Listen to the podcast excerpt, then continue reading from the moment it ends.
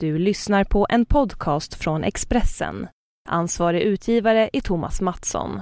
Fler poddar hittar du på expressen.se podcast och på iTunes.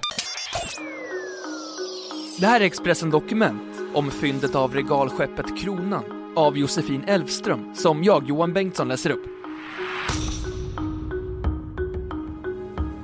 Tusentals gamla vrak ligger fortfarande på Östersjöns botten det mest kända är regalskeppet Kronan som hittades av några entusiastiska vrakletare. Skeppet bar på den största skatt som hittats i Sveriges historia. Men fortfarande kan 100 000 oupptäckta vrak finnas i Östersjön.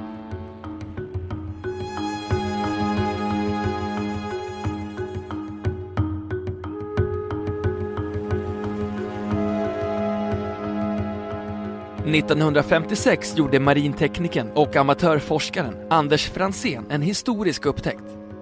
Utanför Bäckholmen lokaliserade Fransén med hjälp av dykaren Per Edvin Fälting regalskeppet Vasa som kantrade och sjönk under sin jungfrufärd i augusti 1628. Bland fynden fanns, förutom kvarlevor från 16 människor, kläder, vapen, kanoner, verktyg, mat, mynt och dryck. Historiskt sett anses såväl skeppet som föremålen ovärderliga, tack vare den kunskap de gett oss om vardagslivet till sjöss. Vasa må vara det mest kända svenska vraket, men det är inte det skeppsvrak som har haft den största myntskatten. Det är istället regalskeppet Kronan som förliste 1676, 6 kilometer ut till havs öster om byn Hultersta på Öland. Kronan var på 1600-talet ett av världens största och mäktigaste örlogsskepp. Hon kantrade och exploderade redan i inledningsskedet av slaget vid Ölands södra udde. Närmare 850 människor dog, endast 40 överlevde. Efter katastrofen fick skeppet ligga orört i tre år innan bärgningarna började. Mellan 1679 och 1686 lyckades dykare i dykklocka bärga ett 60-tal av skeppets 126 bronskanoner. Sen föll det i glömska. Först 1980 upptäcktes skeppet igen.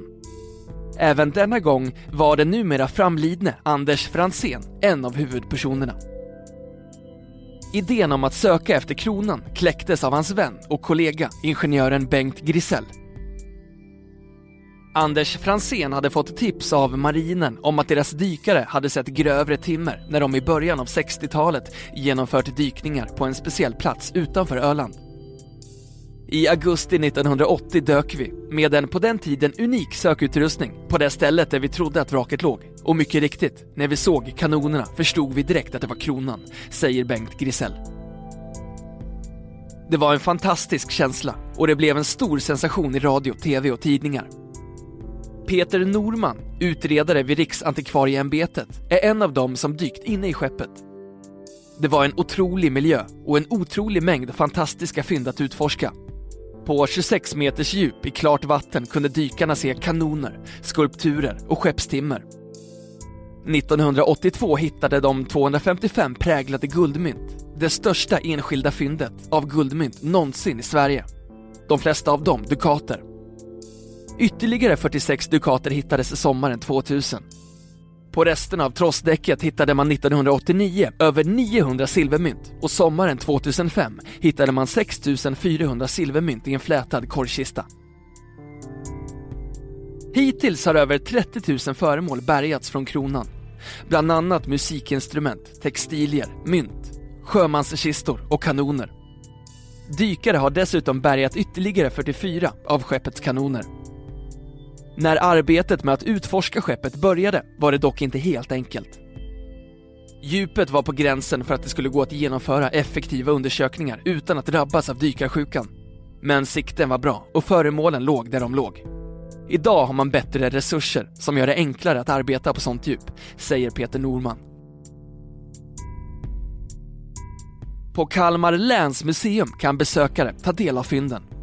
Lars Einarsson, projektledare vid museet, har arbetat med kronan i hela 32 år. Kronan är ett slutet fynd med stort informationsvärde. Det intressanta är att väldigt mycket frystes i dödsögonblicket och har fått ligga relativt ostört på botten. Det är kontexten, helhetsbilden, som gör kronan unik, säger han och fortsätter.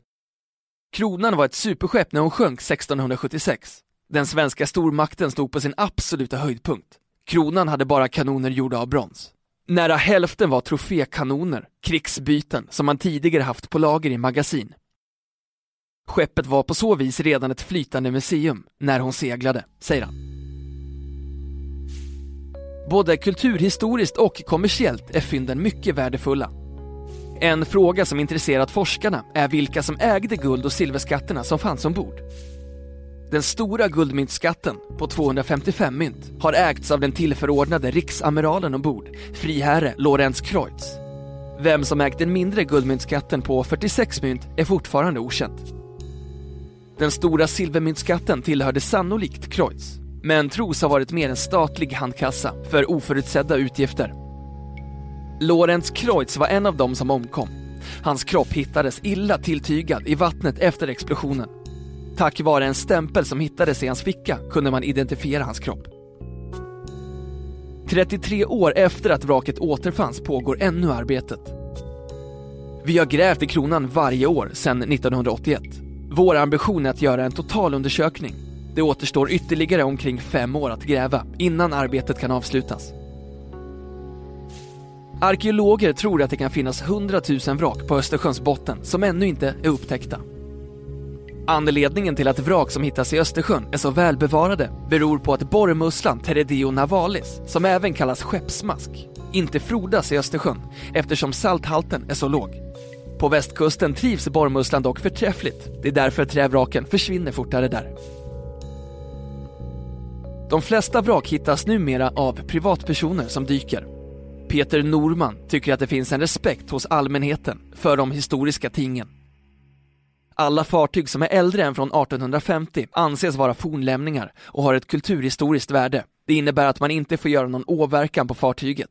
De allra flesta som dyker efter vrak känner till den lagen, säger han. Men långt ifrån allt som hittas bärgas. Det mesta som upptäcks får faktiskt ligga kvar på havets botten. Om vraket anses historiskt intressant kan det göras en arkeologisk undersökning på platsen. Att bärga vrak är väldigt kostsamt, förklarar Göran Ekberg vid Sjöhistoriska museet i Stockholm. Det är få fartyg som har så värdefull last att det är ekonomiskt försvarbart att bärga lasten. Oftast blir lasten kvar. När det gäller vrak i modern tid bärgas de främst för miljöns skull. Om det finns risk för att det läcker olja till exempel. Det ska till någon väldigt speciell last för att man ska bärga av andra skäl, säger han. Göran Ekberg berättar att när det plockas saker olovligen från vrak är det särskilt från nyare båtar.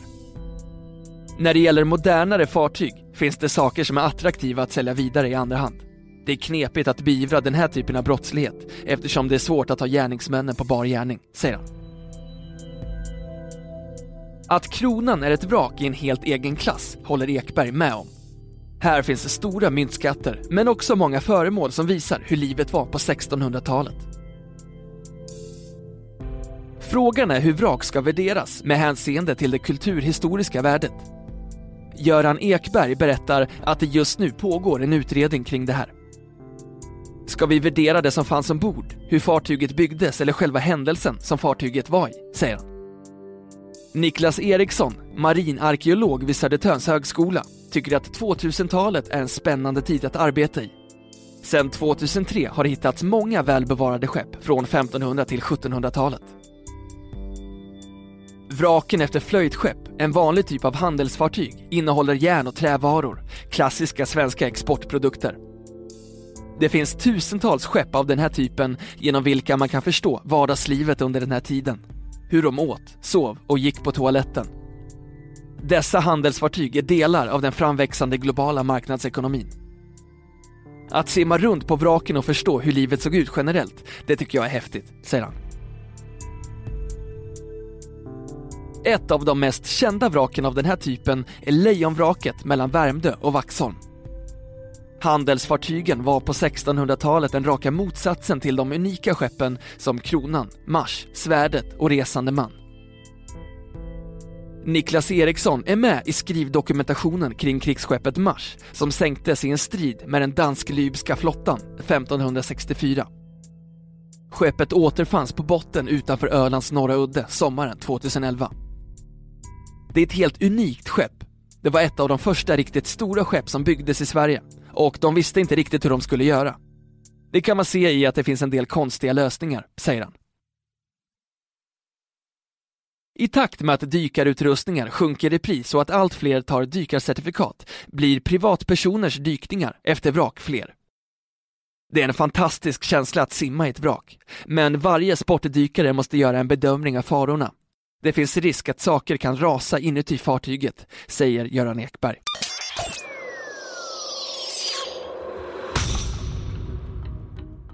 Du har lyssnat på en podcast från Expressen.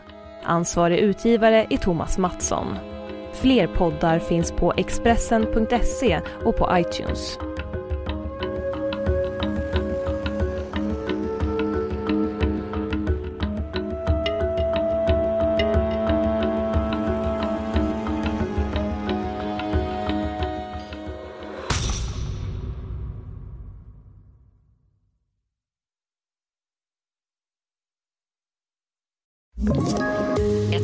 Poddtips från Podplay. I podden Något Kaiko garanterar östgötarna Brutti och jag, Davva, dig en stor dos skratt. Där följer jag pladask för köttätandet igen. Man är lite som en jävla vampyr. Man har fått lite blodsmak och då måste man ha mer. Udda spaningar, fängslande anekdoter och en och annan arg rant. Jag måste ha mitt kaffe på morgonen för annars är jag ingen trevlig människa. Då är du ingen trevlig människa, punkt. Något Kaiko, hör du på Podplay. Därför är gardinerna.